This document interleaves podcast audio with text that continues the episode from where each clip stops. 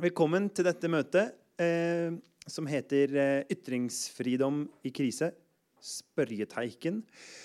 Jeg heter eh, Jens Kiel og er eh, veldig nyvalgt eh, leder, eller gjenvalgt leder i Bergen Journalistlag. Som er en av to arrangører av dette møtet. Det er, dette møtet er også en del av vår faste månedlige møteserie redaksjonsmøte her på Litteraturhuset, som eh, tar for seg aktuelle eh, små og store problemstillinger knytta til eh, journalistikk og eh, ytringsfrihet og alt som er eh, viktig her i verden. Så vi er veldig glad for at det kom så masse folk, og at det er et så gullegodt eh, panel. Og jeg tror at en av de bra tinga vi gjorde denne gangen, var å arrangere det sammen med Norske Penn. Så da gir jeg ordet videre til deg, Leikny. Ja, jeg heter Leikny Hage Indregård og representerer Norsk Penn avdeling Vestlandet. Norsk Penn er jo en gammel institusjon eller organisasjon eh, fra 1922. Johan Bøyer, hvis dere ikke visste det, holder til i Oslo. Men det er ikke bare i Oslo vi trenger arrangement og fokus på ytringsfrihet. Det gjør vi på Vestlandet òg. Og vi har altså hatt en egen vestlandsavdeling i snart fire år. Vi har mellom seks og åtte arrangement i året. Vi har hatt noen i Stavanger òg, ikke bare Bergen. Eh, vi samarbeider da veldig mye med lag og foreninger og institusjoner i Bergen som, der vi har en felles interesse om å sette fokus på ytringsfrihet og kamp mot sensur. Og Hvis dere vil vite mer om Norsk Penn, så kan dere snakke med meg etterpå. Men nå vil jeg gi ordet til ordstyreren Jon Tufto fra Bergens Tidende. Vær så god.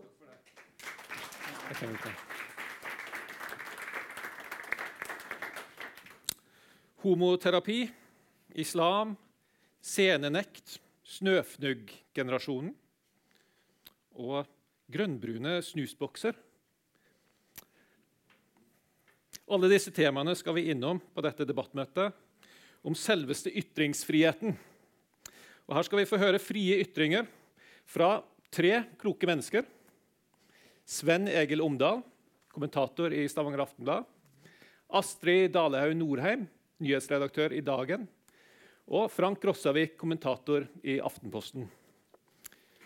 Navnet mitt er Jon Tufto. Eh, vi skal begynne med temaet homoterapi.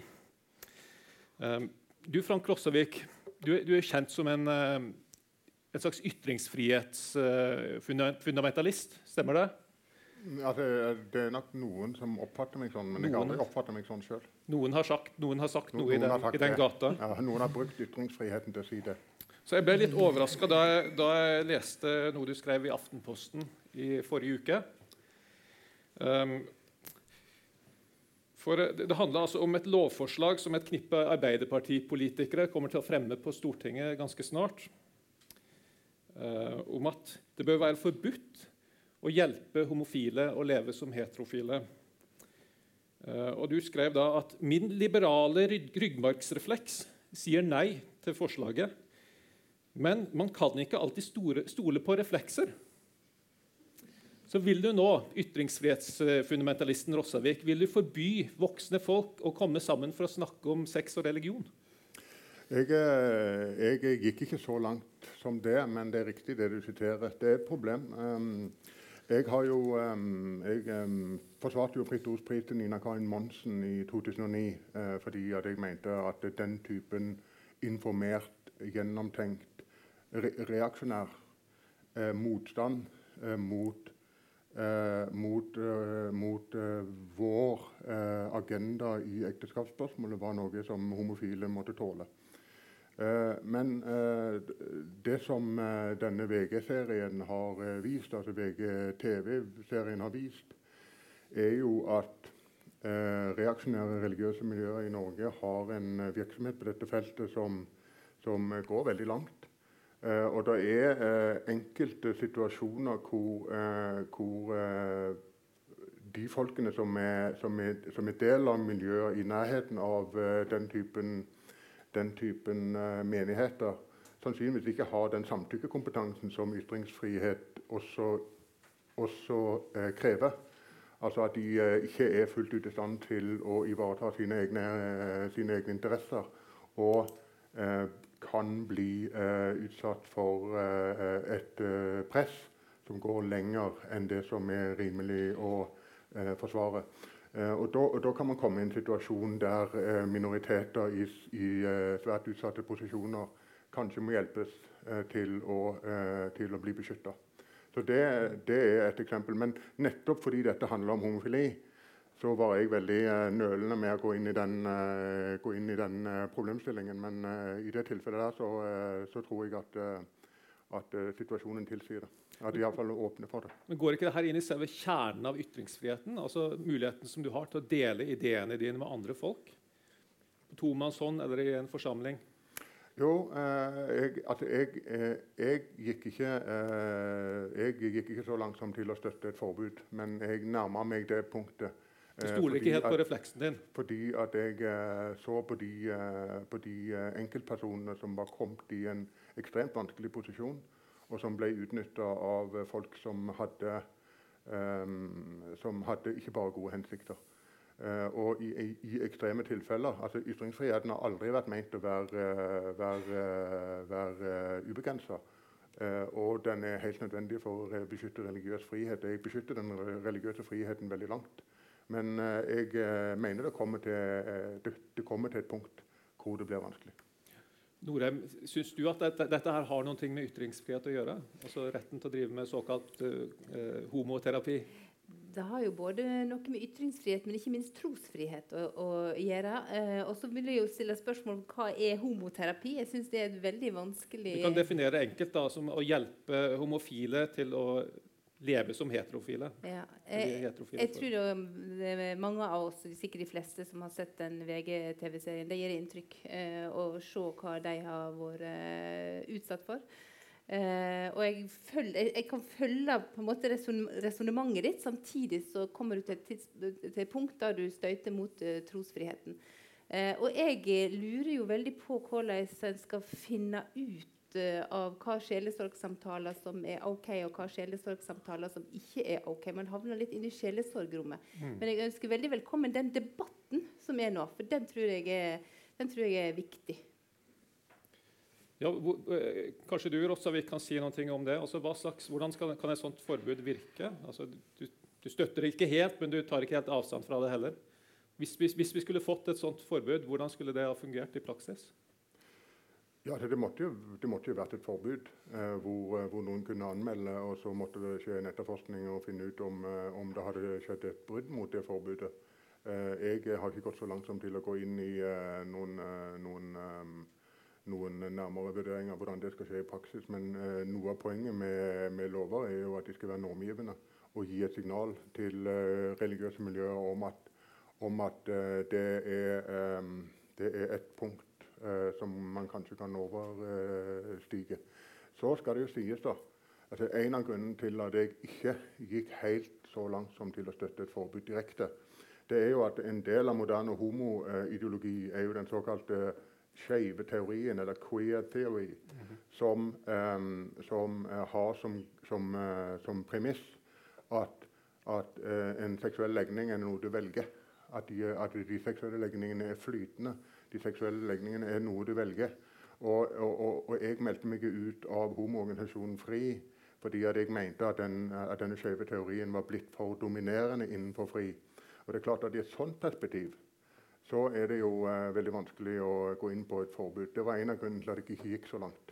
Uh, Hvis den eh, ideologien skal tas bokstavelig, så er det å, å, å, oppsøke religiøse miljøer for å få hjelp til å endre å justere sin, eh, sin, eh, sin legning. Ikke noe problematisk. Mm.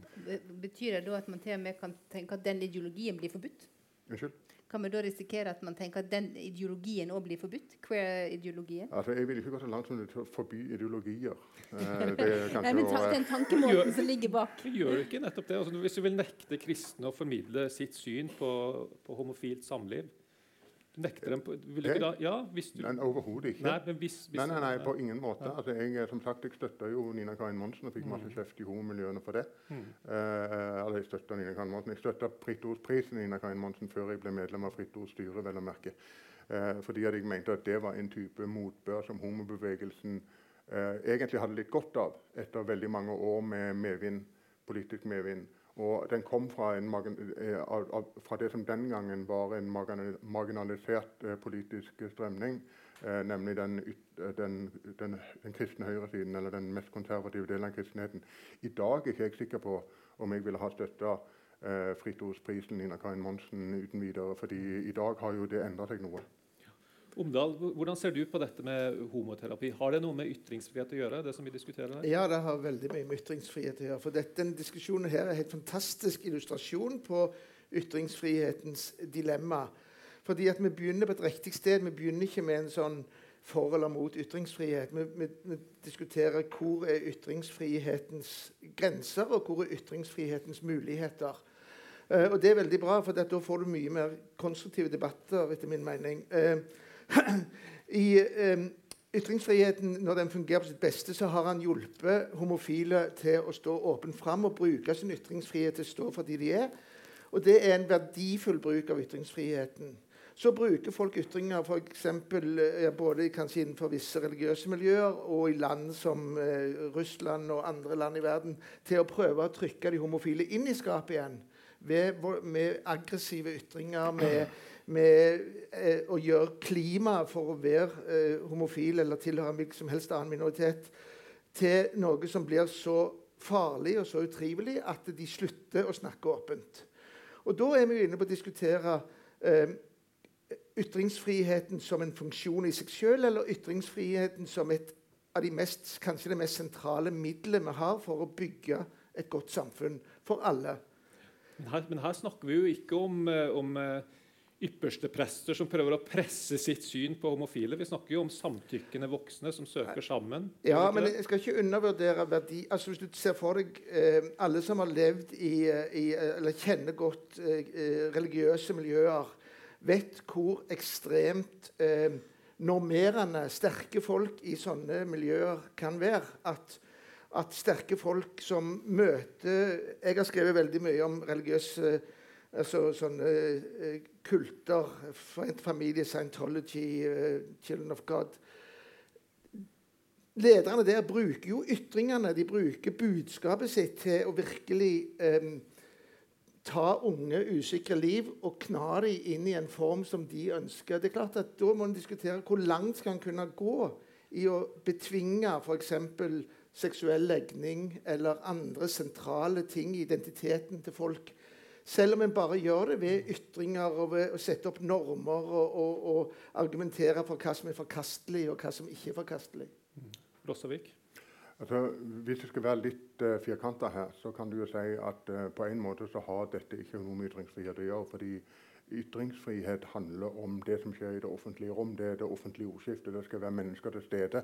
Eh, pa, altså straffelovens paragraf 175, men det er 185. 185. 185.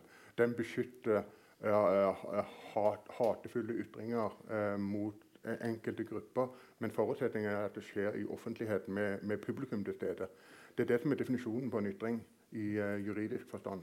Så Sånn sett så kan du si at det som foregår i, i religiøse miljøer, er mer en behandlingssituasjon enn en ytringsfrihetssituasjon. Ja. Eh, ja, men Det skal ikke mye offentlighet rundt. Altså Høyesterett har dømt i, i saker fra Stavanger f.eks. hvor en full uh, gjest på et utested ropte 'din jævla neger' til dørvakten. Ja. Uh, det var ikke mange som hørte det, og det var jo ikke en offentlig ytring sånn som meg og deg ofte Nei, tenker på. Men det var på et offentlig sted? Ja, ja. Det, det, var, i, det var, utenfor det private ja, rom. Nettopp. men sånn at det, det, er viktig at det kan være i en ganske liten krets, ja. at en, ifølge Høyesterett, at en ytring kan være så krenkende at ytringsfriheten må vike for personvernet til vedkommende. Ja da, øh, men, men, men, det må være uh, i, i, et i, et slags offentlig rom. Mm. Og en behandlingssituasjon er ikke et offentlig rom. Altså Hvis man først skal kverulere. Men jeg, jeg, jeg, jeg avviser ikke at, at, den, at, den, at, den, diskusjonen vi har, vi har, hatt nå, har noe med ytringsfrihet å gjøre. Før vi forlater det temaet, så må vi høre om noen i salen har noen spørsmål angående homoterapi. Ingen spørsmål? Ikke vær beskjedne nå. Ok, Da går vi over til eh, neste tema. Oslo, februar 1989. Det var den første gangen flere tusen norske muslimer gikk i tog gjennom gatene for å protestere. Og bakgrunnen var at et norsk forlag ville bruke ytringsfriheten sin til å gi ut romanen 'Sataniske vers' på norsk. De regnet Salman Rushdies bok som blasfemisk og krenkende for muslimer. Demonstrasjonen var fredelig, men i årene som har gått siden den gang, har vi sett mange eksempler på at kritikk av islam blir møtt med trusler, vold og terror. Hvordan kan ytringsfriheten vår best forsvares i møte med islam? Spørsmålet går til den som eh, vil eh, begynne å snakke om dette temaet. Eh, det gode med det Du, du sa at det, i februar 1989 så gikk ja. norske muslimer i tog. Mm. Fantastisk. Sånn skal det være. Det er jo en frimodig bruk av ytringsfriheten, en korrekt bruk av ytringsfriheten. Det er lov å mene at et forlag ikke bør gi ut en bok. Det er lov, som eh, mange mente nå forleden om Cappelen Dam og den nye vennen til prinsessen, at den boka bør ikke komme ut, for den kan være skadelig. Det er lov å mene det. Mm. Det som ikke er lov, er å skyte forleggeren eller eh, kaste bomber mot forlaget. Men å gå i tog i Oslos gater og protestere og kjempe for det som de holder hellig, det er jo den, det er jo den selve den, den, den, adelsmerket på bruk av ytringsfriheten. Det å, å, å, sørge for at andre ikke får bruke sin ytringsfrihet, vil du regne det som adelsmerket til ytringsfriheten? Det, det, du gjør, er at du ber om at det, du kan mene at uh, det er fint å invitere en eller annen opp på scenen, men det er like greit å mene at han ikke bør inviteres opp på scenen. Altså, Vi kan ikke gjøre det sånn at den ene synet, nemlig eh, å gi ut en bok som noen føler krenkende, det er forsvar av ytringsfriheten. Men å si at nei, dere bør ikke gi ut den boka uten å bruke maktmidler, mm. at det er, skulle være et avvik fra ytringsfriheten, det er jo nettopp da to ytringer som settes opp mot hverandre. Så så lenge det er fredelige protester mot uh, utgivelser eller mot bøker som er kommet ut, eller mot andre ytringer, så er det jo, det er jo selve idealet på en ytringsfrihetsdebatt. Det er jo i det øyeblikk du går fra eh, denne måten å ytre seg på til fysiske måter å ytre seg på, at det plutselig skjer et eller annet. Det har jo også skjedd mange ja. ganger. Ja. Mange har blitt utsatt ja, for trusler Da er spørsmålet mitt, for det at i, i eh, den store debatten, ofte som, som Frank òg nevner i boka si, er jo eh, karikaturdebatten. Mm. Eh, I den første runden med karikaturdebatt i 2006 så intervjua Dagsrevyen en ung muslim som var kalt inn til studio nettopp for å forsvare muslimene sin manglende ytringsfrihet. Og Han fikk spørsmålet du mener at ytringsfriheten ikke skulle være total, slik den er i Vesten. Og det, For meg var det veldig illustrerende at det er veldig mange som tenker slik. At i Vesten så har vi en total ytringsfrihet, og så i den muslimske verden eller i andre land som ikke er kommet så langt som oss i, på utviklingen, der mangler en denne totale ytringsfriheten. Og det, det er Derfor jeg sa innledningsvis at det er glimrende at vi diskuterer hvor går ytringsfrihetens grenser. Og den er selvfølgelig videre hos oss på en del felter enn den er i den muslimske verden. Men det betyr ikke at muslimer som kommer her, ikke vil oppfatte hvordan det foregår når en bryter meninger mm. eh, i det samfunnet som er her. Vi kan, vi kan, gå over til å snakke om de, de hendelser som faktisk har blitt møtt med vold og trusler og terror, f.eks. Eh, karikaturstriden. Der har jeg skjønt at du og Rossavik særlig kanskje har, har hatt veldig ulikt syn på hvordan eh, det bør møtes. Hjalp bare meg eller han? Kan, ja, gjerne der. også. Altså for det første så vil jeg si at Svein Egil har evig rett i at demonstrasjoner ikke er noe uh, misbruk av ytringsfrihet. Det er tvert imot en veldig helt sentral bruk av ytringsfriheten. Så jeg har overhodet ingen problemer med muslimers demonstrasjon mot uh, utgivelsen av sataniske vers i 1989. Og jeg har heller ingen problemer med alle mulige andre uh, um, demonstrasjoner eller ytringer som, som, som, man kommer med mot ytringer. Til og med det å mene at noen bør fratas en talerstol og og noen bør hindres i å ytre seg offentlig, er en bruk av ytringsfriheten. Problemet oppstår i det øyeblikket man, man gir etter for press mm. eh, ut fra en frykt for sosial uro eller vold eller, eller, andre, eller andre, ting. Har vi, gjort, har vi, gjort, det i dag? Du ser veldig sjelden satire retta mot islam i vestlige medier? Ja, altså, helt, eh, helt, opplagt. Altså, eh, resultatet av karikaturstriden er at det ikke finnes karikaturer verken av eh, islam eller av andre eh, religioner praktisk talt i noe land i Europa nå. Så sånn sett så har de som, eh, eh, som tok den kampen opp i 89, eh, fram til karikaturstriden og fram til Charlie Hebdo, vunnet. Så kan man diskutere hvor alvorlig er det eh, Vil dette justere seg senere? Er vi inne i en tilpasningsprosess som gjør at dette vil slå bedre ut eh, neste gang eh, situasjonen kommer på spissen? Og jeg er, jeg er nå litt mer optimistisk enn jeg var, fordi jeg ser jo at eh, debattene beveger seg ganske mye også blant muslimer eh, i det spørsmålet, og, og, ikke minst blant det apparatet av, eh, av etnisk innfødte som var veldig opptatt av å støtte de muslimske protestene i 2006, og 2007 og 2008. Mm. Eh, men så til ditt spørsmål om, eh, om Svein Egil og jeg ser ulikt på det. så Vi gjorde jo det. altså Vi sto jo, om ikke ytterst på hver vår fløy i karikatursiden, så sto vi iallfall på hver vår fløy. Uh, og sånn sett så var jo jeg, var jo jeg litt overraska når jeg fikk melding om at uh, Svein Egil hadde, hadde gitt boka mi fem i, i, i Bergens Tidende. Eh, fordi da tenkte jeg nå snør det i helvete.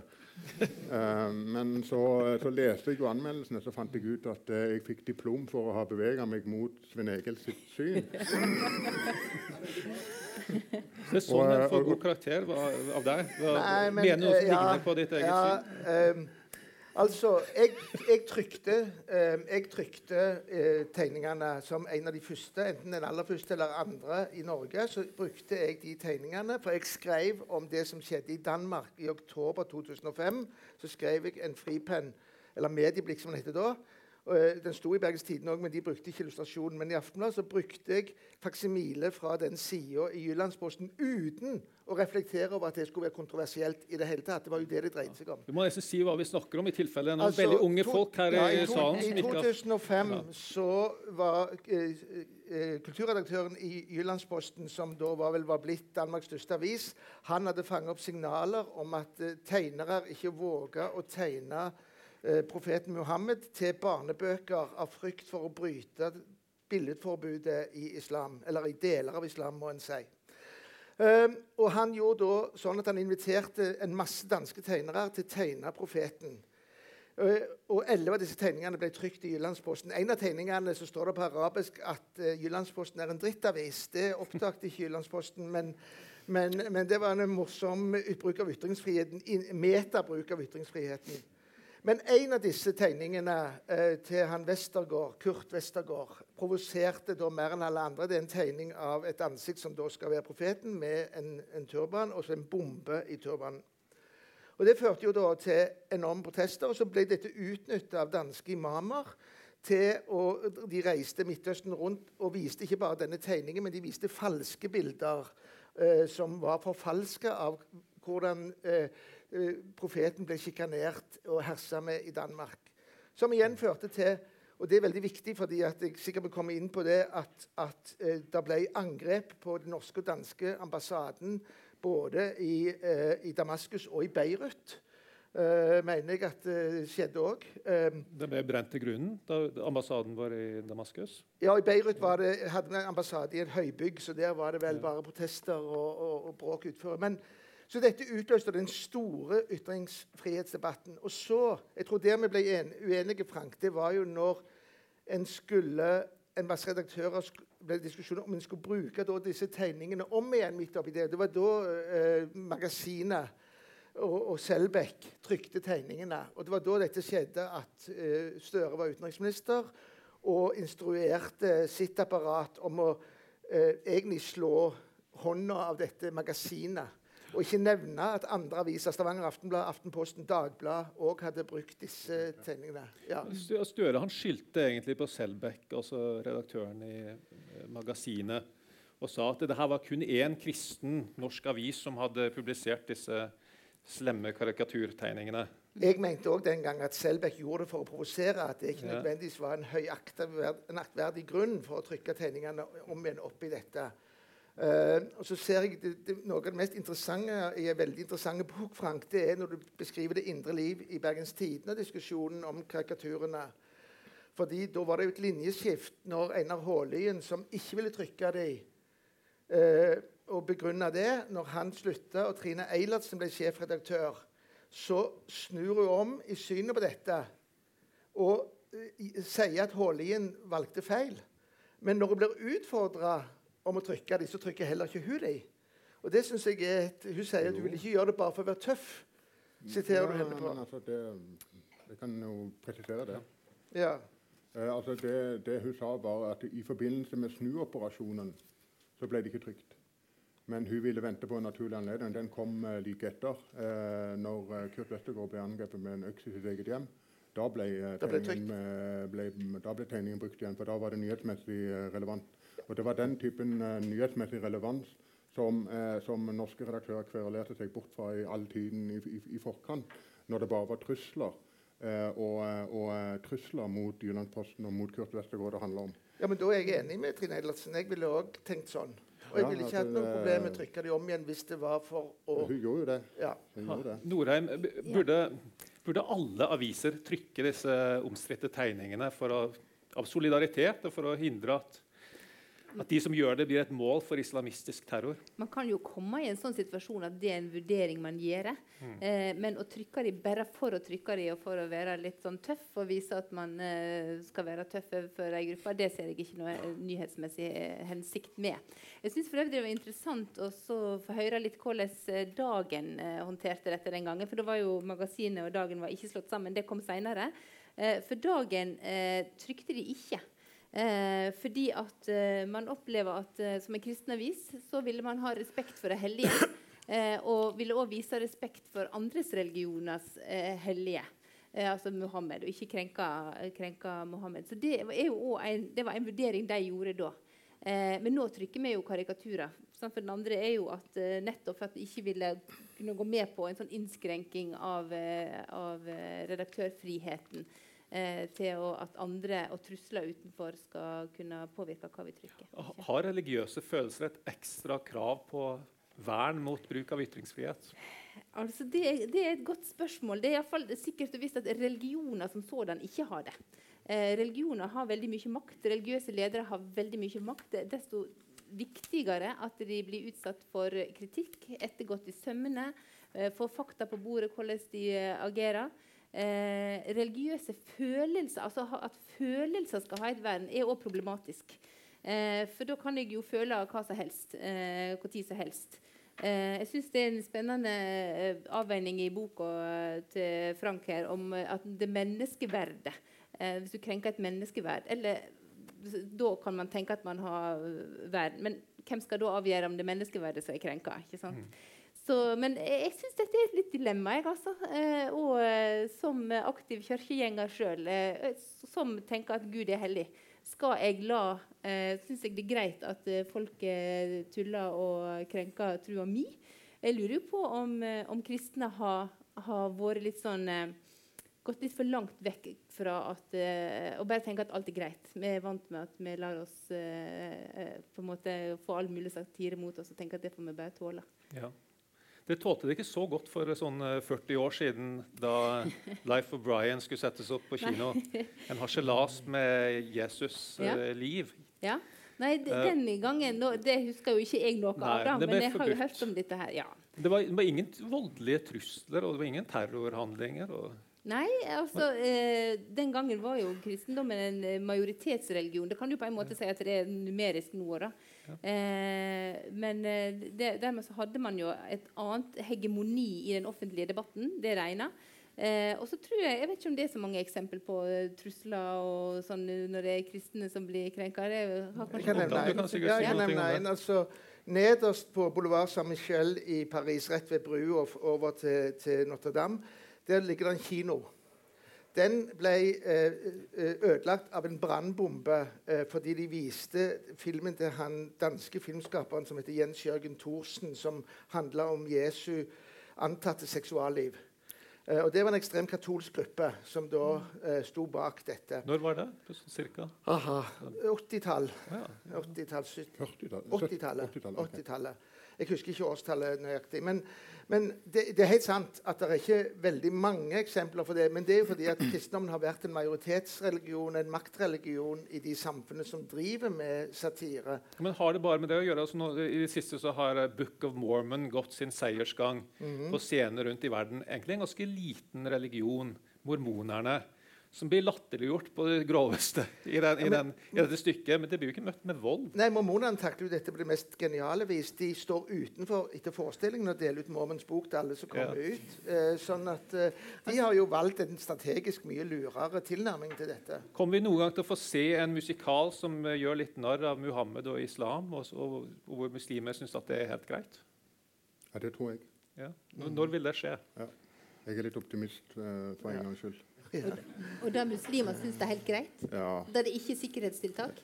Unnskyld? Da er det ikke sikkerhetstiltak rundt en sånn eh, musikal?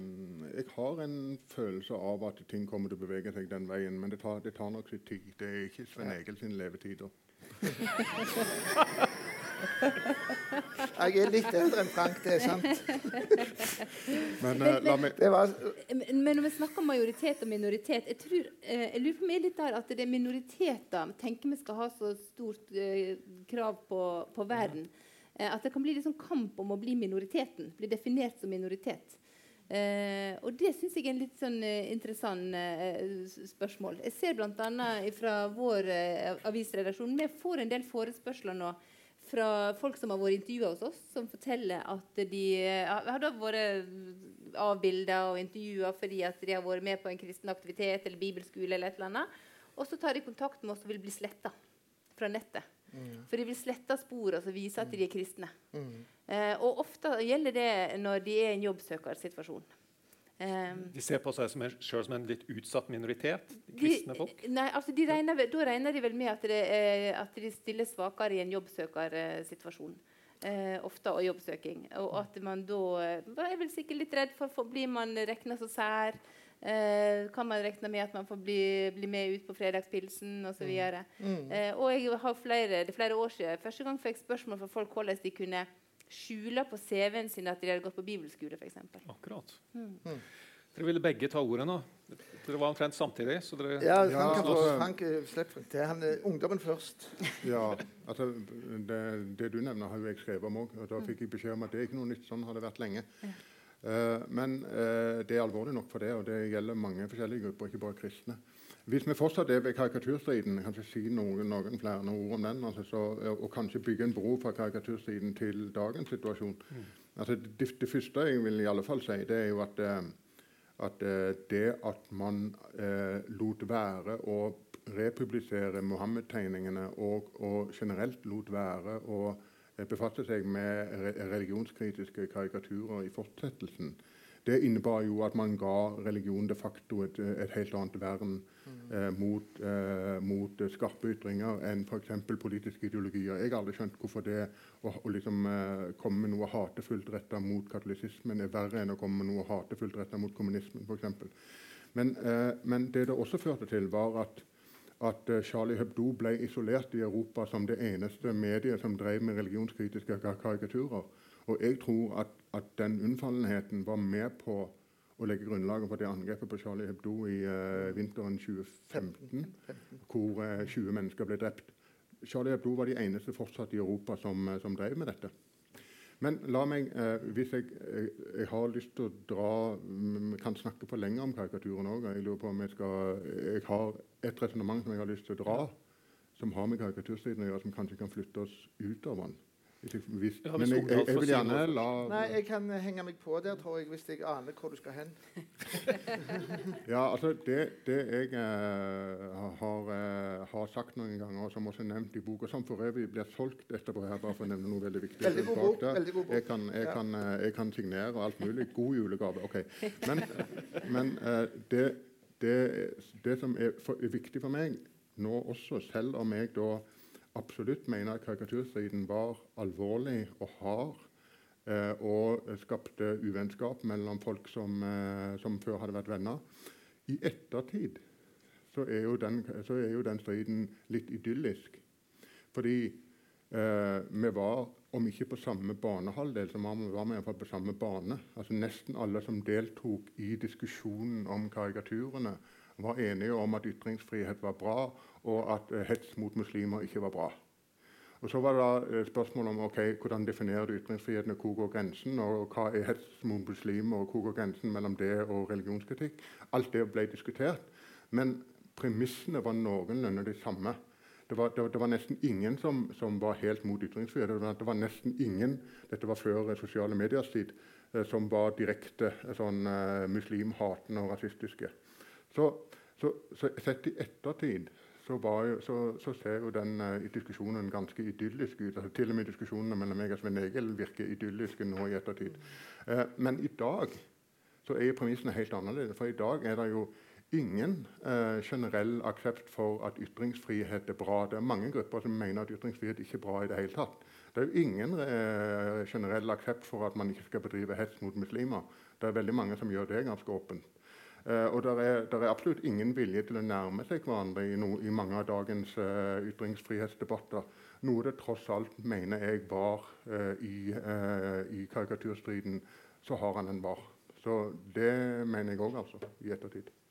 Ja, hvis jeg kan henge på mitt resonnement der, da. Spesielt interessant fordi at dette møtet er felles for en, en PEN, som er en litterær ytringsfrihetsorganisasjon, og så Journalistlaget, som er det er en fagforening, men det er òg en ytringsfrihetsorganisasjon og skal ivareta ytringsfriheten.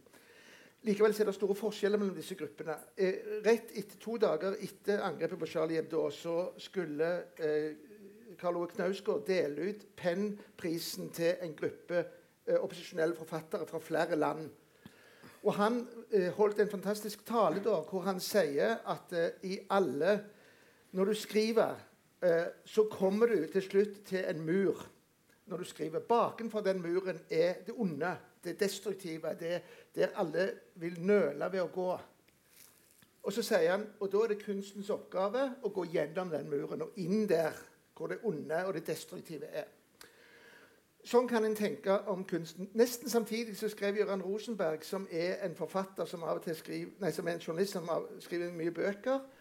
Han skrev en annen artikkel i danske aviser hvor han sa at en burde stille mye oftere spørsmålet hva er det godt for? Hva? Hva er det godt for? Hva er Det godt for? Det er et spørsmål som en stilte ofte, men som har forsvunnet. Hva er det godt for? Og I presseetikken så er det sånn at vi er forplikta til å spørre hva er det godt for. Rett etter i våre Vær varsom-plakat så står det først at vi skal beskytte ytringsfriheten og jobbe for den. Og så står det neste rett etterpå så står det at vi skal verne enkeltpersoner og grupper mot overgrep. Altså vi skal òg sørge for at ytringsfriheten ikke blir brukt til å skade enkeltpersoner eller minoriteter.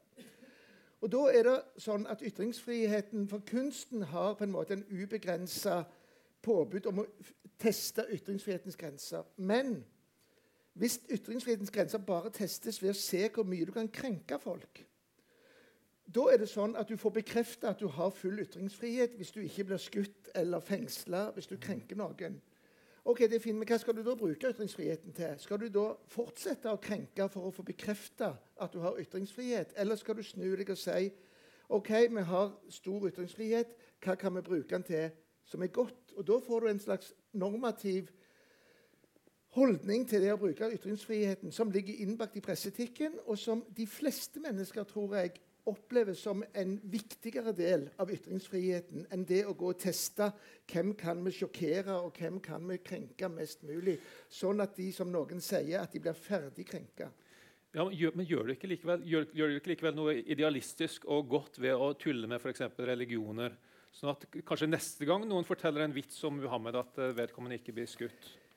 Så du, du, du beskytter andre jo, som jo, kommer med altså, kontroversielle ytringer? Jeg synes Det er veldig enkelt. Karikaturens rolle i samfunnet har mange hundre år lang tradisjon og bør beskyttes.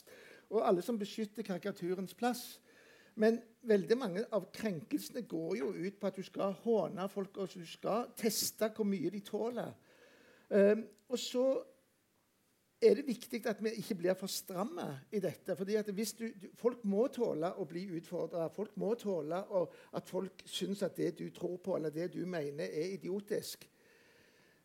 Og da skal samfunnet finne grensene. Hvor går grensen fra at jeg kan si det til deg, eller at jeg sier det på en sånn måte at din frihet blir redusert av at jeg sier det så aggressivt.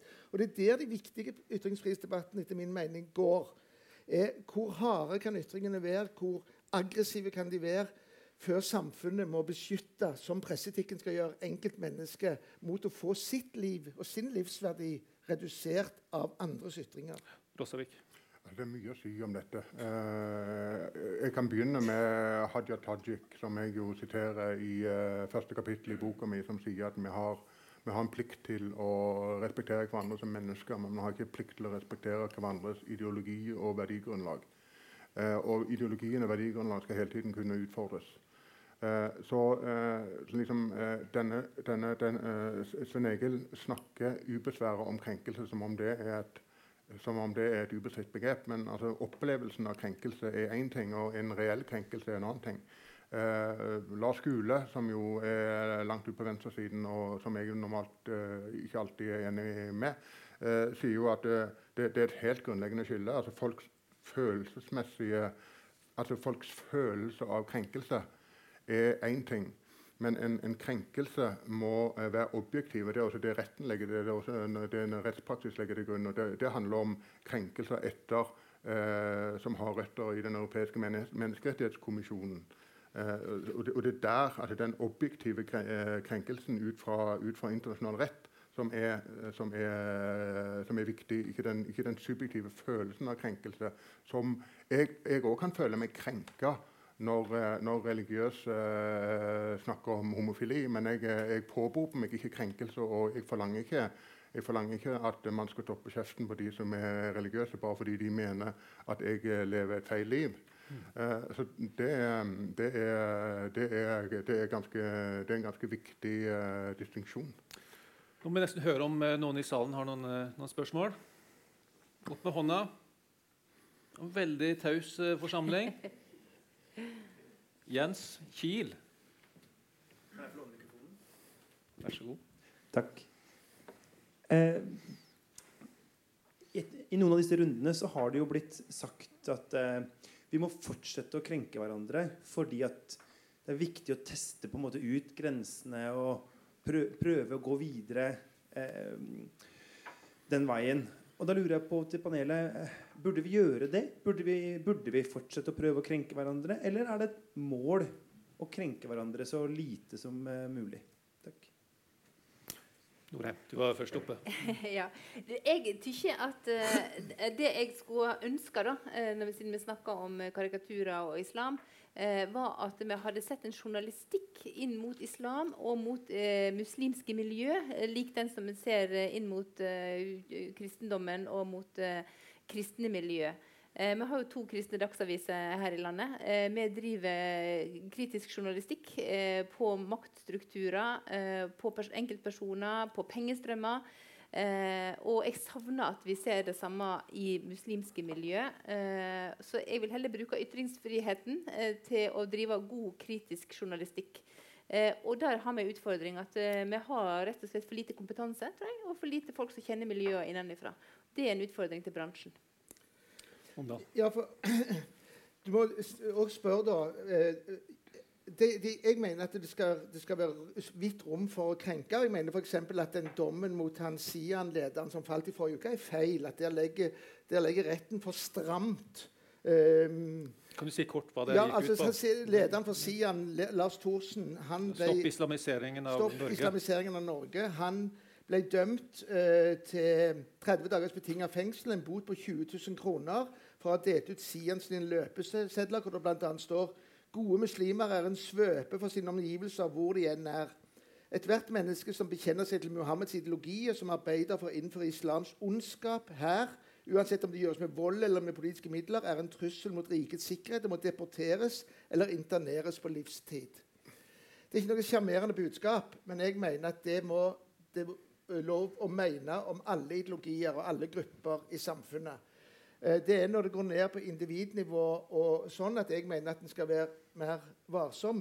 Men da kommer du òg inn på dette Vi skal ha lov til å krenke, men, men er det ytringsfrihetens hensikt? At vi skal bruke den til å krenke? Eller kan tenke deg at det er en diskusjon om ytringsfrihetens grenser og forbud, så må du kunne diskutere hva er da de verneverdige Og den diskusjonen syns jeg du fører veldig godt i boka di. Frank, når du refererer fra diskusjonen i styret i Fritt Ord, som har som sin hovedoppgave å beskytte det frie, fri ord, så uh, skriver du om en søknad fra uh, et forlag som vil gi ut en bok med karikaturtegninger av en tegner som heter Thomas Knarvik. Uh, og så er dere positivt innstilt til det, og han er på mange måter en teknisk og mange måter en god tegner. Men etter da, denne diskusjonen så lager han noen tegninger som er i hvert fall ble beskyldt for å være åpent rasistiske, bl.a. en tegning av en svensk Eh, eh, politiker som heter Ali Espati, som han tegnet som en ape da, med et voldsomt eh, rumpehull som liksom kom rett i fjeset på seerne. Og Da skriver du at det var ikke sikkert at dere ville støtte han hvis dere hadde sett de tegningene. Og så skriver du òg at eh, Fritt Ords Styre snakker om ytringsfrihetens grenseland. Det syns jeg er veldig fascinerende. at at en ser for seg ytringsfrihet som et landskap hvor det faktisk går noen grenser. Og Da er det opp til ikke bare det fritt ord styre, men da må det være opp til oss alle å definere hvor vi, hvordan vi at disse grensene går, og hvor grenselandet begynner. At du begynner å nærme deg en grense. Ja, altså, altså, du, du, du, får det til å se ut som en avsløring at uh, Fritt Ord ser, ser, at det er grenser for ytringsfrihet. Alle ser at det er grenser ja. for ytringsfriheten. Altså, det, er, det, er, det, er grenser. det er ulovlig å oppfordre til uh, kriminelle handlinger. Det er ulovlig å drive åpenbar rasisme. Det er ulovlig å hetse enkeltmennesker. Det er en hel rekke ting som, som, som helt åpenbart ikke er beskytta av ytringsfriheten, og heller ikke for Fritt Ord. Eh, det som var grunnen til at, eh, at Fritt Ord ga penger til den boka av, eh, av, Knarvik, var jo nettopp at han var en av de få som fortsatt våga å bevege seg inn i, i også religionskritikk i sine, i sine, tegninger. Og det skulle virkelig bare mangle at ikke Fritt Ord støtta en tegner som fortsatt etter, etter Charlie Hebdo ville, ville, utfordre de grensene som var i ferd med å, med å, med å reise seg mot, mot religionskritiske tegninger. Så eh, kom han senere med noen eh, mer vulgære, vulgære, tegninger enn de som vi hadde. Mm. Og da tenker jeg at eh, kanskje Fritt Ord-styret, hvor det er ganske mange konservative folk, mer konservative enn jeg er, ville ha bytta mot mm. og, eh, og, eh, og, gi, og, gi, penger til han eh, på den, på den, på den, på den bakgrunnen. Jeg vet ikke om jeg ville ha gjort det, men jeg kritiserte eh, Esbati-tegningen offentlig i mm. en, uh, i en artikkel i uh, Aftenposten uh, under tittelen 'Apetegning bluss', Hvor jeg sa at han, han, han leker med, med, rasistiske mm. uttrykk. Og selv om han mener at han gjør det på et metanivå, og selv om han juridisk kan argumentere hjem at han gjør det på et metanivå, så, um, så kan han ikke bli fornærma over at han blir anklaget for å være rasist. Mm. Uh, og jeg mener òg at den, den, den, tegningen kunne oppfattes som rasistisk. Men så la jeg jo til at det som er, uh, det som er noe av det verdifulle med ytringsfriheten som rettighet, det er at han kommer med et innebygd selvskudd. Går du for langt, så får du et problem, ikke offeret ditt. Mm. Altså Det var helt åpenbart at, at, at, Knarvik gikk så langt i denne tegningen at, at, at han fikk problemene, og Espati fikk sympatien. Og, og, og, da, og, da, virker jo ytringsfriheten også på den måten. ikke sant? Mm. Altså som, en, uh, som en smekk i, uh, i, trynet på den som ytrer seg, hvis han, ikke, hvis han ikke treffer og hvis han ikke tenker igjennom det han sier. Vi skal snakke litt mer om grensene for uh, hva du kan si offentlig. såkalt scenenekt har blitt mye diskutert de siste årene, også kalt no platforming, annet. Altså det at kontroversielle folk blir nekta å ytre seg i medier, på debattmøter etc. Nylig satte Litteraturhuset i Oslo foten ned for den ytterliggående danske politikeren Rasmus Paladan. Han har sagt mye rart om eh, innvandring og islam. Bl.a. at våre gater og smug vil bli forvandlet til elver av blod. Og de fremmede fienders blod vil ende i kloakken, der de fremmede fiender hører hjemme. Bør folk med slike holdninger få slippe til i offentlig debatt? Eller bør de nektes en scene? Omdal? Ja, Forskjellen er å nekte de scene, uh, ikke tilby de scene, og hindre de når de først har fått scenen. Det er veldig tre forskjellige nivåer. Ja. I, i, I, Bergen hadde dere en diskusjon under mediedagene om Steve Bannon, om det var riktig å invitere han. Det syns jeg var en helt streit debatt. fordi at mediedagene mente at han var en viktig stemme som norske pressfolk... eh, burde høre. Jeg var blant de som mente at vi vet nok om Steve Bannon, hva han mener. Han har ikke mm. mangel på ytringsmuligheter. Og det var meningsløst å tro at han ville si noe oppsiktsvekkende i Bergen som ikke allerede var kjent. Det er ikke plattformnekt. Det er en diskusjon av hvor lurt er det mediedagene. Og hvis Litteraturhuset her bestemmer seg for å invitere en kontroversiell røst, og protestene blir så voldsomme at det blir fysisk farlig eller umulig å gjennomføre det, så er det jo en plattformnekt. Um, og da syns jeg at du nærmer deg da at du skal, du skal, du skal presse folk ut av det offentlige rom ved, ved, eh, ved, handlinger som blir så aggressive at du ikke klarer å gjennomføre ytringen. Det synes jeg er, Da har du gått over en grense på den andre sida. Kan den noen gang forsvares? Ved å gå til den typen aksjoner? Ja, Du kan jo spørre deg sjøl hvis, hvis, du var i en ølstue i, i München i 1928 eh, og ville drukne ut denne lille korporalen som sto der og brølte, ville det være bra eller dårlig? Vi kan spørre Rossavik om det, eller eh, Norheim.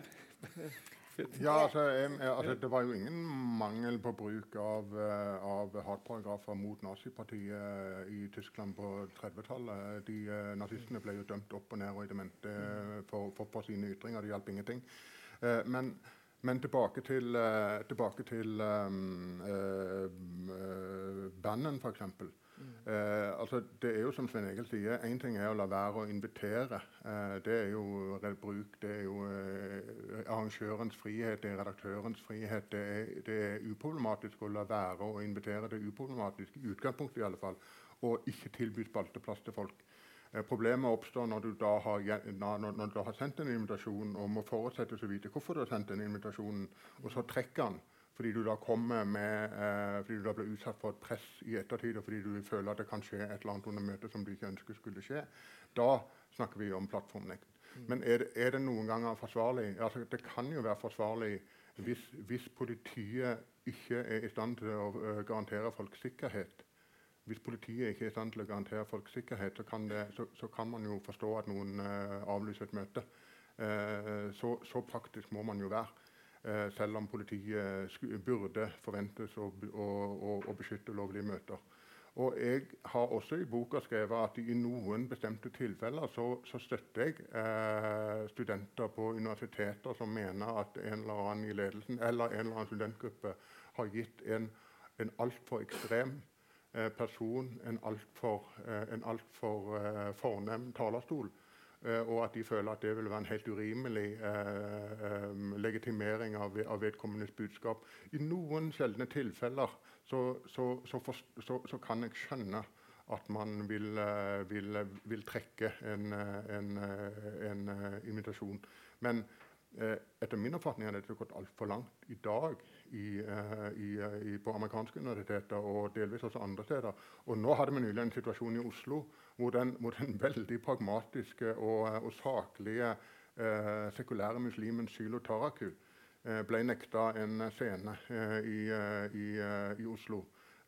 omstendighetene er ikke helt klare fordi Sylo ikke vil, vil si klart hva det, hva det handler om.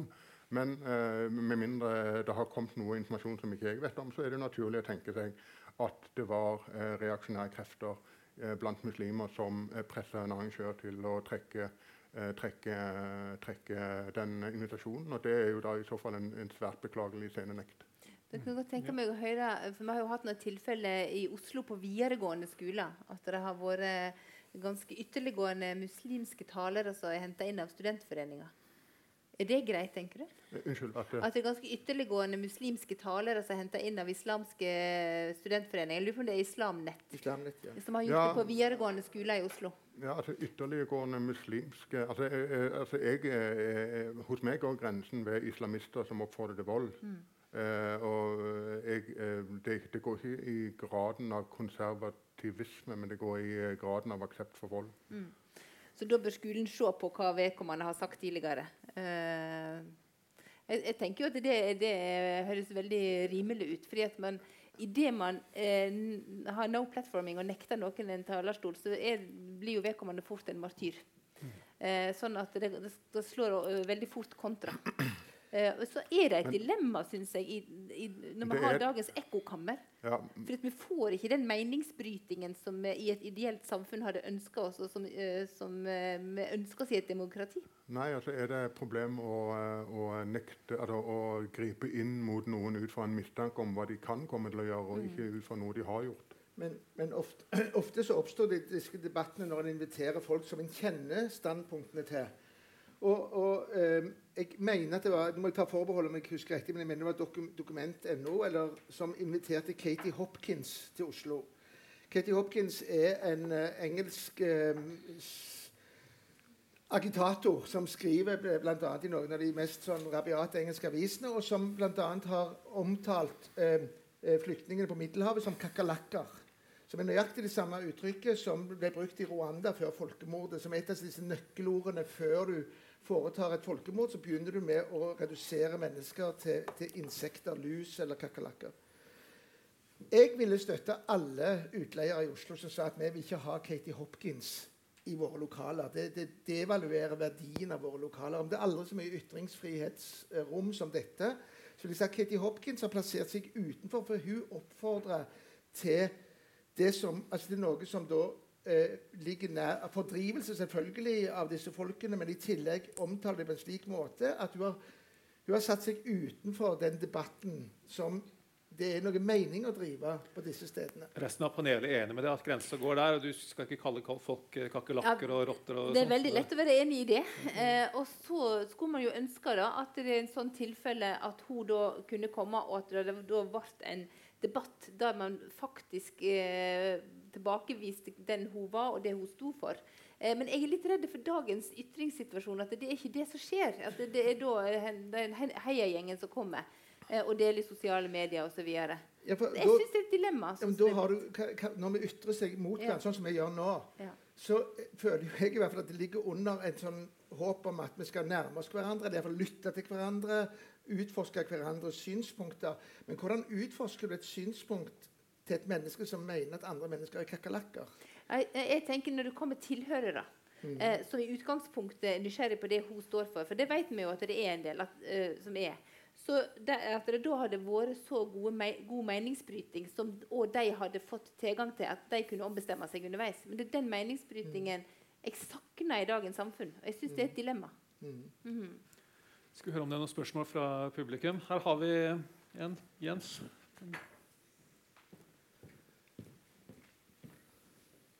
Hei. Um, jeg har inntrykk av at uh, uh, Hører du meg godt, Frank? ja, jeg må gå litt nærmere. Eh, okay, nå, okay. uh, mitt inntrykk av at debattene vi har om ytringsfriheten, er veldig polarisert. med tanke på um, spesielle hendelser som uh, problematiserer forholdet mellom minoriteter og majoriteter. Da tenker jeg først og fremst to debatter. Den ene er knyttet til barneboka 'Sitronlimonade'. Den andre er um, Tore Sagen sin radiostunt. Um, jeg bare lurer på om dere kan kommentere litt tendensene i den type debatter. Hva, um, hva er det dere syns er problematiske? For mitt inntrykk er at disse debattene eh, fører ikke nødvendigvis til mer dialog mellom de ulike diskusjonspartnere. Mm. Jeg mener at de faktisk støter hverandre eh, eh, eh, fra hverandre, og de går veldig langt fra hverandre. Og vi trenger jo dialogen i etterkant eller i forbindelse med disse debattene. Mm. Ikke at folk blir enda mer ekstreme i ytringene sine. Så hvis dere kan si litt om uh, tendensene i de debattene med tanke på forholdet minoritet og majoriteter. Takk. Jeg kan kanskje først si hva det her, eh, altså Sitronlimonaden det var altså en lærebok som det har vært en del debatt, en barnebok som det har vært en del, en del debatt om i det siste. fordi at den uh, tegner da et litt stereotypt bilde ifølge noen av noen innvandrergrupper. Nei, én person. Eh, Mina Adampour, som mm. har laget boka til eh, likestillingsombudet. Eh, mm. Ja, og den andre debatten... Den er Riktig. Og den andre debatten var som Radioresepsjonen, som, eh, hvor en av deltakerne, Tore Sagen, sa noe som kunne oppfattes som rasistisk i forbindelse med en såkalt flauhetskonkurranse på radioen. Vil dere kommentere noen av de to sakene? Ja, jeg syns, du har et veldig godt poeng. at jeg, det, det, som er ubehagelig i dagens debatt, er at det er det er en veldig separasjon. altså Hvis eh, du, du blir dytta til sides med en gang du, du, prøver å melde deg på i den saken jeg, Hvis vi innleder den diskusjonen med å si er det noen grunn til å tro at Tore Sagen er rasist Hvis svaret på det er nei, så kunne debatten dreid seg om var det, var det, var det veldig effektfullt, det han gjorde. Funka det etter intensjonen eller ikke? Og da kan en selvfølgelig mene nei, det gjorde det ikke. Eller jo, det er på et metanivå så funka det. Den debatten hadde vært mye enklere for mange å delta i enn den er du for eller mot at Tore Sagen er en rasist. Og hvis du syns at han ikke er rasist, da det, betyr det jo bare at du òg er rasist, antagelig. Det, den, det debattnivået preger veldig mye av den digitale debatten. At du må velge hvilken tråd du skal være med i. Fordi at det er veldig ubehagelig å representere sentrumssynspunkter eller nyanserte synspunkter eller opposisjonelle synspunkter i, i disse mediene. For tonen er veldig hard, og du blir veldig lett plassert i det øyeblikk du gir uttrykk for noe som avviker fra det som er normen i den tråden eller det forumet du er i. Så det tenker jeg tenkte når vi spurte Du, du, skriver, du spør jo, Frank, om, om ytringsfriheten er i krise, og jeg stusser veldig på det spørsmålet. Men jeg ser jo at, at fordi at vi har totalt sett mye mer ytringsfrihet enn vi noen gang har hatt. Men vi ser jo at det dukker opp nye utfordringer og nye problemer og nye områder hvor, hvor, vi, er, hvor vi havner i sånne vanskelige situasjoner hvor det er vanskelig å ytre seg, eller vanskelig å eh, vite hvor, hvordan en skal ytre seg uten at det blir en sånn shitstorm. Mm. At alt blir tatt i verste mening. Ja, og, ja. ja. Jeg så litt i den NOU-en om ytringsfrihet som kom for 20 år siden. Eh, det var jo eh, i, det er veldig optimistisk eh, med tanke på ytringsfriheten framover, når, når Internett var kommet. Norsk offentlig utredning. Norsk offentlig utredning som heter 'Ytringsfrihet bør finne sted'. Og den tenkte Nå skal det virkelig blomstre. Nå skal alle få komme til orde, uavhengig av om at man har eh, aviser som representerer en osv. Og, så ser vi jo at det, det er ja, folk kan komme til orde, men, eh, men klima er sånn at det er mange som, av de moderate som ikke kommer til orde. Eh, eller blir putta rett i en annen bås. Mm. Altså, to uh, korte uh, bemerkninger til det Nurai spurte om, og pluss en ting til. Altså, det, når, det gjelder boka, så, som du nevnte, så, så var jo uh, så Den ble oppfatta som, som fornærmende eller, eller følelsesløs i forhold til visse grupper. Problemet der var jo at, eh, at reaksjonene var så sterke. Altså blant annet ble Norsk Penn, en av, en av arrangørene for kveldens møte, ble jo angrepet av Mina eh, Adampour fordi Norsk Penn advarte mot å bruke, lov, eh, bruke lovverket mot, for, for, for, å stoppe denne boken.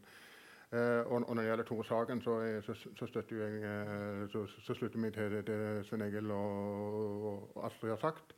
Uh, det, det, var uh, det, det, er ingen tvil om at Tore Sagen ikke er rasist. Og, og Radioresepsjonen er jo en uh, klart venstreorientert, et klart venstreorientert humormiljø i NRK. så, så liksom, det at han da kanskje bomma litt, har han jo da i, all, i, høyeste grad fått igjen. Men dette overspillet etterpå, med, med, med, med, press mot NRK for å få dem til å trekke det, og, og, og krav om unnskyldning og, og sånn, er er jo helt, er jo helt overdrevet. Um, nå har jeg glemt hva det tredje var jeg skulle si, uh, men det får jo bare være, da. Noen flere spørsmål fra salen? Her kommer, går det en arm i været her borte.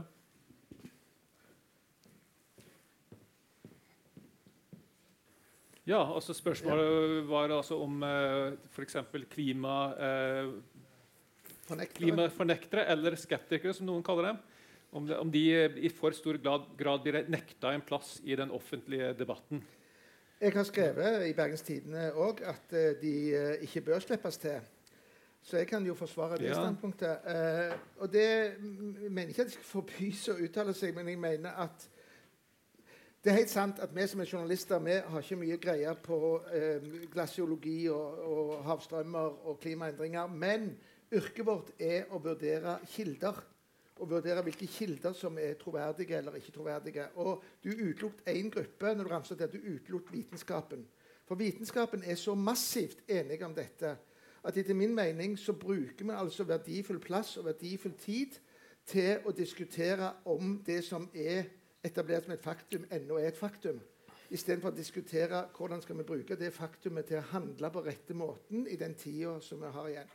Så Det går på en, det som jeg var inne på tidligere, det er en økonomisk argument, egentlig. Altså, Vi har begrensa spalteplass, vi har begrensa journalistisk arbeidskraft, vi har begrensa taletid på møter rundt omkring. Hvis vi skal ha en evig debatt om, å, om noe som det er nå for, eh, vitenskapelig konsensus om, så, så er det et misbruk av ikke av ytringsfriheten, men av ytringstiden og ytringsmulighetene. Hvis jeg da får være litt djevelens advokat, da, ja, så Vitenskapshistorien er jo full av eksempler på vitenskapsfolk som har ment noe veldig upopulært i sin tid. Som har mm. gått veldig midt imot alt det som uh, samtida sto for. Ta f.eks. Uh, Galileo Galilei. Ja. Uh, bør ikke, bør ikke de, den typen uh, av, avvikende stemmer behandles med respekt og få lov til å slippe til i den offentlige debatten? Men har, er det mange eksempler på at det er den nye kunnskapen som, eh, som eh, nekter den gamle kunnskapen? Det, det syns jeg var vanskelig å svare på. Men det er i hvert fall mange som har ment noe annet enn majoriteten. Da, det, ja, men det, det, det, er et veldig vanlig ja. argument. Men jeg har spurt er det eksempler på det. For det, det som er eksemplene, er jo at når ny kunnskap bryter fram, så forlater en den gamle kunnskapen. Altså Når Galileus sitt, sitt, syn på verden brøt igjennom, så forlot han etter hvert mm. det heliosentriske verdensbildet. Og Det er jo sånn eh, menneskets samla kunnskap har avansert. At På et tidspunkt så snakker vi ikke lenger om uh, altså viten, ting som var vitenskapelig konsensus om. Eh, når det blir, når det blir uh, bevist, uh, ugjendrivelig bevist at det var feil, så forlater vi, så legevitenskapen forlater de gamle behandlingsmetodene sine når ny kunnskap er etablert. Bør, bør klimafornektere ignoreres i like stor grad som f.eks. Flat Earth-miljøet eller andre som mener ting som de fleste av oss ikke tror på? Altså, vi snakker jo om en av de store politiske debattene i vår tid og en av de store politiske prosessene i vår tid. ikke sant? Dette grønne skiftet, dette forsøket på å takle klimaendringene. Eh, jeg, jeg, siterer jo i, uh, i uh, boka mi en norsk filosof som stiller spørsmål ved om såkalt klimafornekting i det hele tatt er beskytta av ytringsfriheten. Fordi, fordi John Stuart Mill la jo til grunn at, at ytringer måtte være oppriktig meint. og at de måtte være ærlige og at de måtte være sannhetssøkende. Eh, og, og, og, når miljøer eh, åpenbart ikke er sannhetssøkende, men, men, disruptive, altså forsøker å ødelegge, så er det ikke nødvendigvis eh, beskytta av eh, ytringsfriheten i sånn filosofisk forstand. Men, men det er jo andre som vil mene noe annet om det. Og jeg mener jo at det, det er vanskelig å, å la være å slippe til opponentene i en rimelig grad i debatten. Og det mener jeg det, det skjer jo heller ikke. Altså, de, de, blir jo sluppet til i en viss, i en viss, i en viss grad. Ikke så mye i vanlige dagsmedier ikke, nå lenger. Ikke nå, ikke nå lenger. Ikke nå lenger. Men jeg mener jo at, at hvis nå denne vitenskapen virkelig er så enig, og hvis alle, alle har så klare svar på spørsmålet, så burde det ikke være så vanskelig å avvise disse folkene heller. Så Det er jo en, en liten fallitterklæring å, å, å, si at uh, dette er så viktig at vi, vi, ikke, vil ha, vi, vi ikke vil ha innvendingene. Innvendingen må man alltid, må man alltid tåle. Uh, og de kan også virke skjerpende i den forstand at de virker motiverende på, uh, på, på, på de folkene som, som vil flytte seg i riktig retning. Um, så det, det, mener jeg er, er, må, må, aksepteres et visst forsamling. Jeg skjønner jo betenkelighetene til Svein Egil. Ja. Norheim, slipper dere til mange såkalte klimafornektere? Jeg må vel eh, ærlig innrømme at uh, fall inntil nå så har ikke klima vært en av de store sakene vi har skrevet så veldig Guds mye natur. om. Det er absolutt uh, det er en utfordring. Skaperverket, forvaltninga av skaperverket er Våre lesere er nok mer opptatt av det enn det vi har uh, gjenspeila. Men jeg, jeg, tenker nok uh, som prinsipielt da, uh, at er det en del klimaskeptikere der ute, så må en òg kunne ta opp de temaene. For ellers så får vi litt sånn Eh, altså, men det man får en debatt, da. Eh, det tabu, nærmest? Som... Ja, det kan bli litt sånn der attraktivt tabu. og se, de vil ikke snakke om det og sånne ting. Da får man heller uh, ta det opp, og så får man heller uh, få den debatten og sørge for at man får uh, de ulike synene. Men så er det et spørsmål hvor ofte skal man ta runden i hamsterhjulet igjen og igjen? Sant? For dette, det, dette har vi jo vært noen runder på. Og Da er vi inne på, på, på prioritering. Og så er det selvfølgelig relevant hvem disse kildene er. Sant? Er de kompetente, er de relevante? Det er sånne vurderinger vi må gjøre. Mm. Veldig kort, altså Vi har litt, et par temaer til vi skal innom. Altså Det som også har skjedd, etter min oppfatning, er jo at de såkalte klimafornekterne, eller realistene, eller hva de nå kaller seg, de har jo flytta seg, de òg. Fordi at jeg opplever at det, I dag blir jo ikke selve grunnspørsmålet bestridt så mye som før. Mm. Altså det, er som, det er veldig få i hvert fall, som prøver å komme med seriøse motargumenter mot at det skjer klimaendringer, og at de er mer eller mindre, helt eller delvis menneskeskapte. Det, eh, det, det har mange av de forlatt. Det, det, det nå handler om, det er konsekvensene. altså Hvilke konsekvenser skal du trekke av det? Hvilke, hvilke, hvor, hvor, drastiske politiske virkemidler skal du ta i verk for å, for å, for å motvirke følgende. Det er der det går. Og så skjer det også en annen endring, nemlig at deler av ytre høyre begynner å snu. altså Ytre høyre i Østerrike eh, har jo nå eh, blitt, eh, blitt, opptatt av klimapolitikk. Norbert Hofer, f.eks. lederen på ytre høyre i Østerrike, har, mm. har nå gjort, eh, prøver å gjøre sitt parti til et klimaparti. Skal vi over på neste tema. Um, unge folk i dag blir ofte omtalt som 'Generation Snowflake', snøfnugg-generasjonen. Og disse snøfnuggene de, de skal være lette å krenke. De vil ofte være villige til å begrense ytringsrommet for å hindre at noen blir støtt, sies det. Noen krever til og med såkalte 'trigger warnings' på universiteter. F.eks. hvis uh, foreleseren skal ta opp et følsomt uh, tema. Stemmer denne beskrivelsen av unge folk i dag? Har dere støtt på noen slike snøfnugg? Mm. Klassevik? Ja, altså, min kjæreste på 24 nekter for dette og mener at uh, hans generasjon ikke er snøfnugg. Men det fins jo vitterlig en, en, en, del, en del som, uh, som, som, er der. Vi har, vi har, vi har snakka om de hele tida.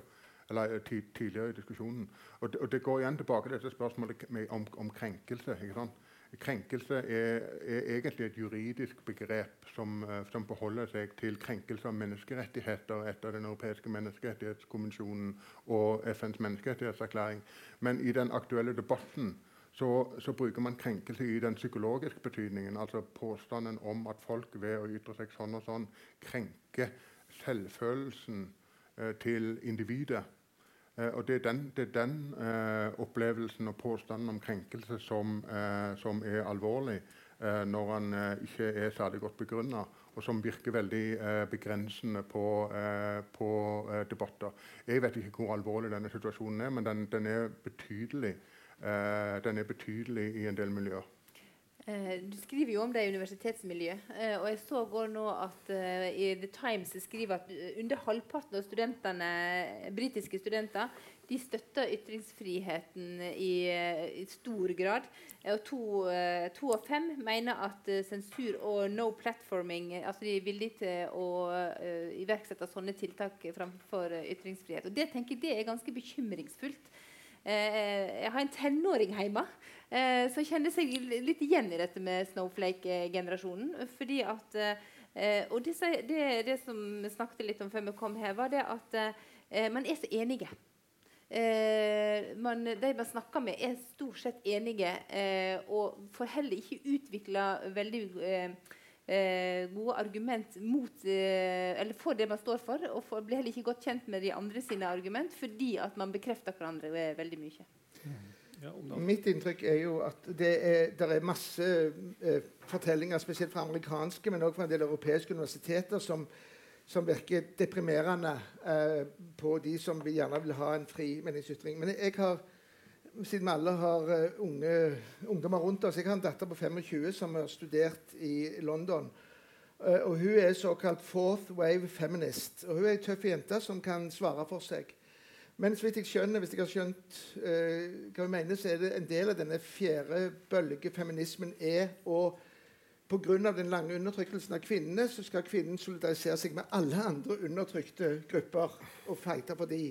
Og jeg har inntrykk av at det, det, er ikke de krenka som vil nekte folk adgang. Vi vet ikke engang riktig hvem det er, men det er de som handler og mener å handle på vegne av de som blir krenka. Når en for 30-40 år siden begynte å skulle luke ut eh, både 'Frøken Detektiv' og 'Tarzan' og 'Onkel Toms hytte' fra bibliotekene, så hadde vi jo en tilsvarende diskusjon. Jeg husker jeg gikk i en gjeng i Oslo hvor det var en del bibliotekarer eller folk som studerte på bibliotekskolen. og Da sa jeg at hvis dere skal drive luka i hyllene, så må vi jo velge dere politisk.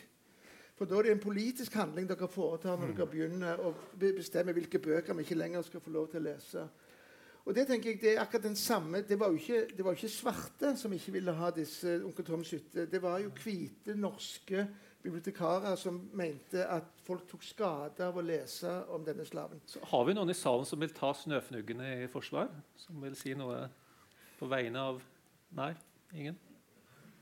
Altså, jeg tenker Det er en god hensikt. Altså, poenget er at du, du skal verne om minoritetene, men så, så blir det sånn at veien til helvete er brolagt med gode hensikter.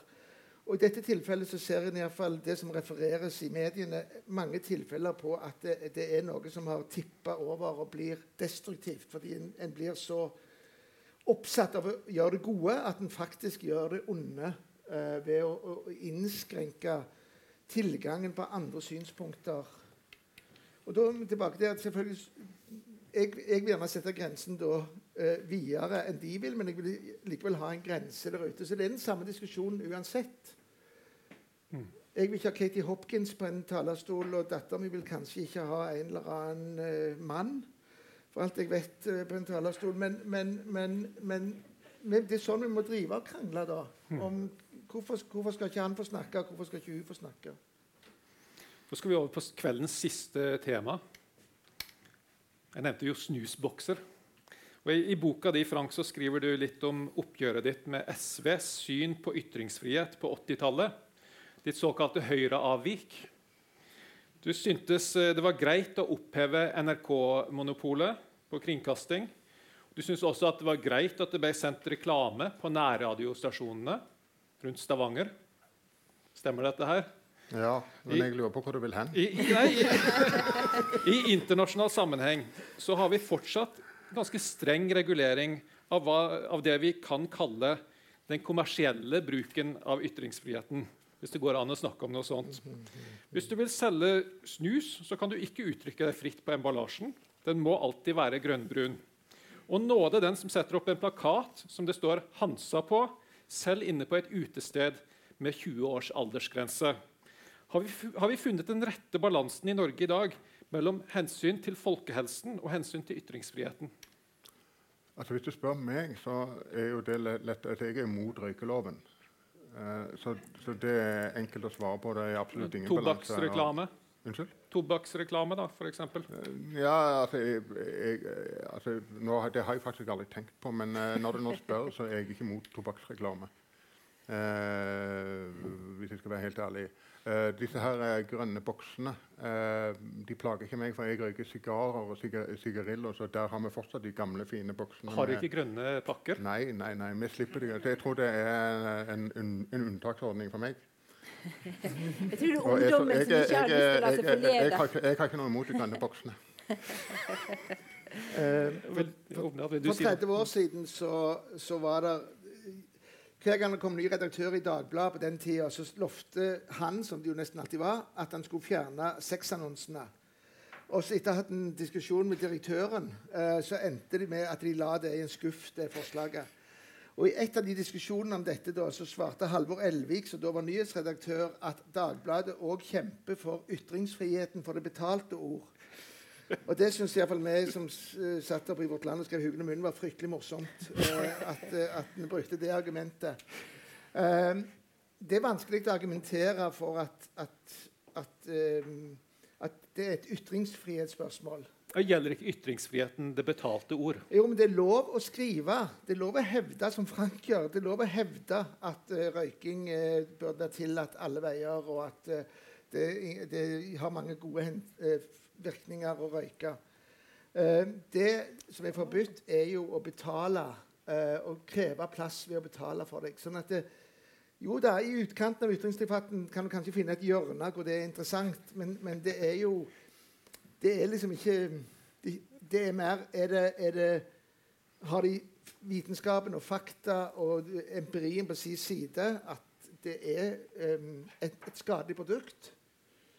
For da, du ytrings, da kunne du hatt ytringsfrihet for, for, veldig mange produkter som var farlige. altså Medisiner som ikke var medisiner, f.eks. Hvorfor skal de være hindra? Ja, eller farlige ting som politisk TV-reklame. Ja. Jeg har vunnet ja. Unnskyld, nei. Unnskyld, nei. Kom, Frank. Nei, altså, uh, bare, uh, altså sånn, hvis, hvis, uh, hvis, et produkt er lovlig, ja. så, og i, i omsetning, ja. så bør det kunne reklameres for. En, en, en medisin som ikke virker, vil bli ulovlig. Den vil ikke være lovlig omsatt. Den vil bli trukket tilbake av medisinaldepotet. Og Da er det jo også naturlig å, å, å, forby reklame for den. Men eh, når det gjelder akkurat et politiske politisk TV-reklame, der i hvert fall på lederplass i dagen, så har vi jo vært mot det forbudet. Nettopp fordi at man ikke ønsker en inngripen fra myndighetene på, i Redaktørinstituttet. For hvorfor skal en uh, avisredaktør ha lov til å gjøre det, men ikke en TV-redaktør? Redaktøren i TV 2 f.eks. Da, da ligger det vel under at også det betalte ordet har, viss, har noe med ytringsfrihet å gjøre? Det er iallfall en inngripen i at man ikke skal gjøre forskjell på hva plattform det er. Mm. Og så er jo argumentet selvfølgelig det at det har så, det er de store som kan kjøpe seg veldig dyr reklameplass og ha stor uh, innflytelse. Nå kan det være et spørsmål da, hvor stor innflytelse man faktisk har hvis man uh, sender noe på lineær-TV. nå. Det er jo en annet spørsmål. Eh, men det ligger jo bak. Men må veies opp mot Redaktørinstituttet. I 2008 så tapte Norge i den menneskerettighetsdomstolen i Strasbourg eh, en kamp om politisk TV-reklame. Og de tapte mot eh, TV Vest, som jeg da var sjef for. Så jeg satt i Strasbourg og vant over eh, Trond Giske, eh, som var kulturminister, og som selvfølgelig fant på noen sleipe triks, sånn at han slapp å oppfylle kravet fra Strasbourg. Men argumentet vårt var rettferdighetssynspunktet. Altså det var lovlig med politisk reklame på alle andre plattformer. Mm. Uh, og uh, mye av den politiske TV-reklamen var ikke bare for de store, men det var også eneste måten de partiene som ikke kom med i NRK sin valgkampdekning og TV 2 sin valgkampdekning, kunne komme til orde gjennom fjernsynet på. Så vi førte det ikke så mye som en ytringsfrihetssak som en rettferdighetssak. og at det, det plikter staten å legge til rette for at alle politiske partier kan nå ut til velgerne med sine budskap. Men det er poeng. altså det er klart ja. et eller annet måte så er det en ytringsfrihetsdebatt òg. Altså, før vi forlater dette lille hjørnet av ytringsfriheten, som jeg ja. tror du kalte det om har, har, vi noen flere spørsmål fra salen? Nå har vi bare noen få minutter igjen her. Ja, her har, baki har vi noen spørsmål.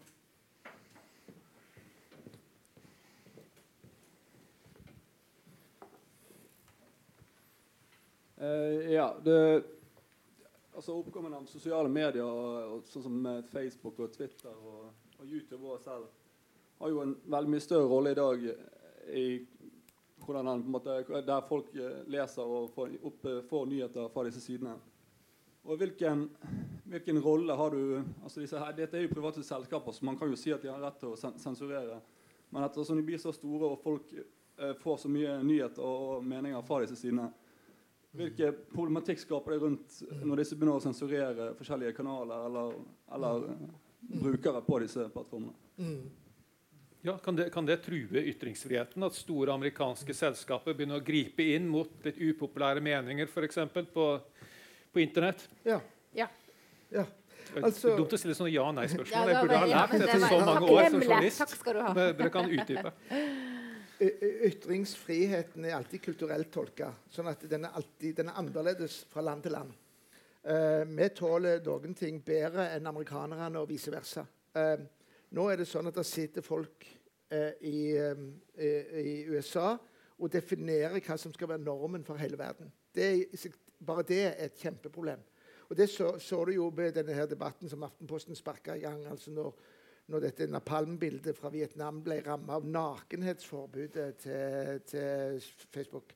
Det er tusenvis av sånne eksempler. Det er et kjempeproblem. Det er et kjempeproblem at USA ikke lenger gjør det de alltid har gjort tidligere, de bryter opp monopolene når de blir for store. Det er et mm. kjempeproblem.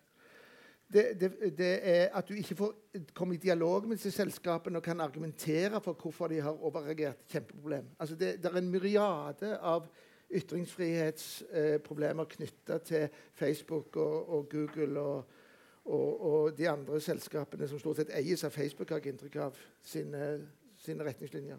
Og så er det et problem at uh, vi er, er, blitt så avhengige av dem. Mm. Uh, det kunne jo vært veldig greit å tenke ok, da gidder vi ikke bruke dem. Men vi er faktisk veldig avhengige av dem for å få spraya budskapen vår. Og det, det, er ganske alvorlig, gitt mm. de rammebetingelsene at vi har ikke kontroll. Mm. Var, jeg tror det var ett spørsmål til baki her, var det ikke det? Det kom i hvert fall opp to hender her i stad. Her har vi en til.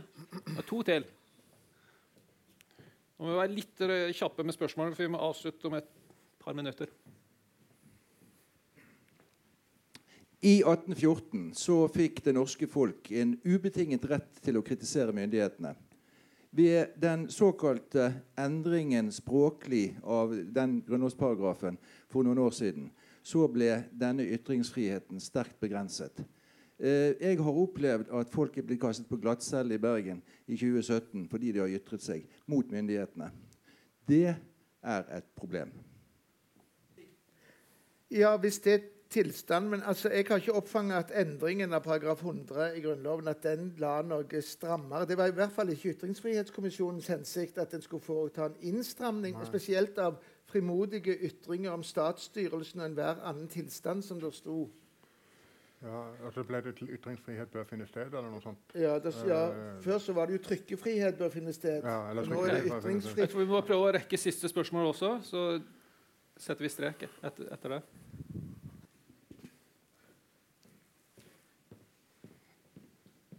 Altså Bør journalister mm. akseptere mer av ytringer enn andre folk om dagen? Ja, ja jeg, altså Forstått riktig så mener jeg det. og Det var en sånn debatt senest i sist uke. Jeg kommer rett fra Tromsø, hvor det skulle være en debatt hvor Trond Giske for første gang skulle snakke om hvordan han opplevde mediekjøret mot seg sjøl. Det skulle ikke handle om substansen i saken, det skulle handle om medienes behandling av han. Uh, og da, Det førte til at en av de som har kritisert Giske hardest, uh, Hege Ulstein i, i Dagsavisen, som er en av mine favorittkommentatorer, hun trakk seg fra debatten. Det syns jeg var feil av henne. Jeg tror at hun hadde gjort den debatten bedre. Den var, det ble en mye bedre debatt enn det ble hevda på forhånd. Men den hadde blitt enda bedre hvis hun hadde vært der. Men hun trakk seg vel også fordi hun fryktet et Giske-show? Ja, men uh, det ble ikke det fordi at de pressefolka som var der, passet på at det ikke ble det. De var, de var, klare i meldingene til Giske, og det var folk som absolutt ikke tilhørte hans heiagjeng. Men den hadde blitt enda bedre, tror jeg, hvis, hvis fordi at uh, Hege har på kommentarplass vært så tydelig i hele det metoo-komplekset at jeg syns debatten ble fattigere uten henne. Og jeg skulle ønsket at du hadde vært der. Eh, og jeg mener at når, vi, når, når, noen kritiserer oss, så har vi en ekstra forpliktelse. Når noen kritiserer måten vi har utøvd faget vårt på, så har vi en ekstra forpliktelse til å stille opp om det er ubehagelig aldri så mye. Jeg har lyst til å avslutte med å gjøre litt reklame for uh, boka di, Frank. Det er veldig bra. Best å holde kjeft. En liten bok om ytringsfrihetens krise. Ytringsfrihetens krise. Er det riktig å snakke om ytringsfrihetens krise i dag? Hvis du bare kan si noen velvalgte ord her eh, som avslutning. Ja, men du kunne jo begynt med det istedenfor å slutte med det. Eh, altså, eh, da har vi jo bare snakka om boka di hele veien. Vi har, har snakka om noen av krisene, men det er jo noen opplagte kriser i tillegg som vi ikke har snakka om. og det er jo eh, F.eks. det faktum at det er et økende antall maktmennesker i, vårt, i, i vår nærhet som forsøker å begrense ytringsfriheten. Eh, I eh, USA, i Russland, i, i, i, Ungarn, i Polen. Og, og, vi har populistiske bevegelser som bare er interessert i egen ytringsfrihet og ikke andres. Det er en hel rekke. og så har du utviklingen i arbeidslivet, hvor, hvor både offentlige og private arbeidsgivere er, er mye mer opptatt av å strømlinjeforme eh, informasjonsstrømmen, noe som rammer både journalister og ansatte. Det er en hel rekke av ting vi kunne ha snakket om.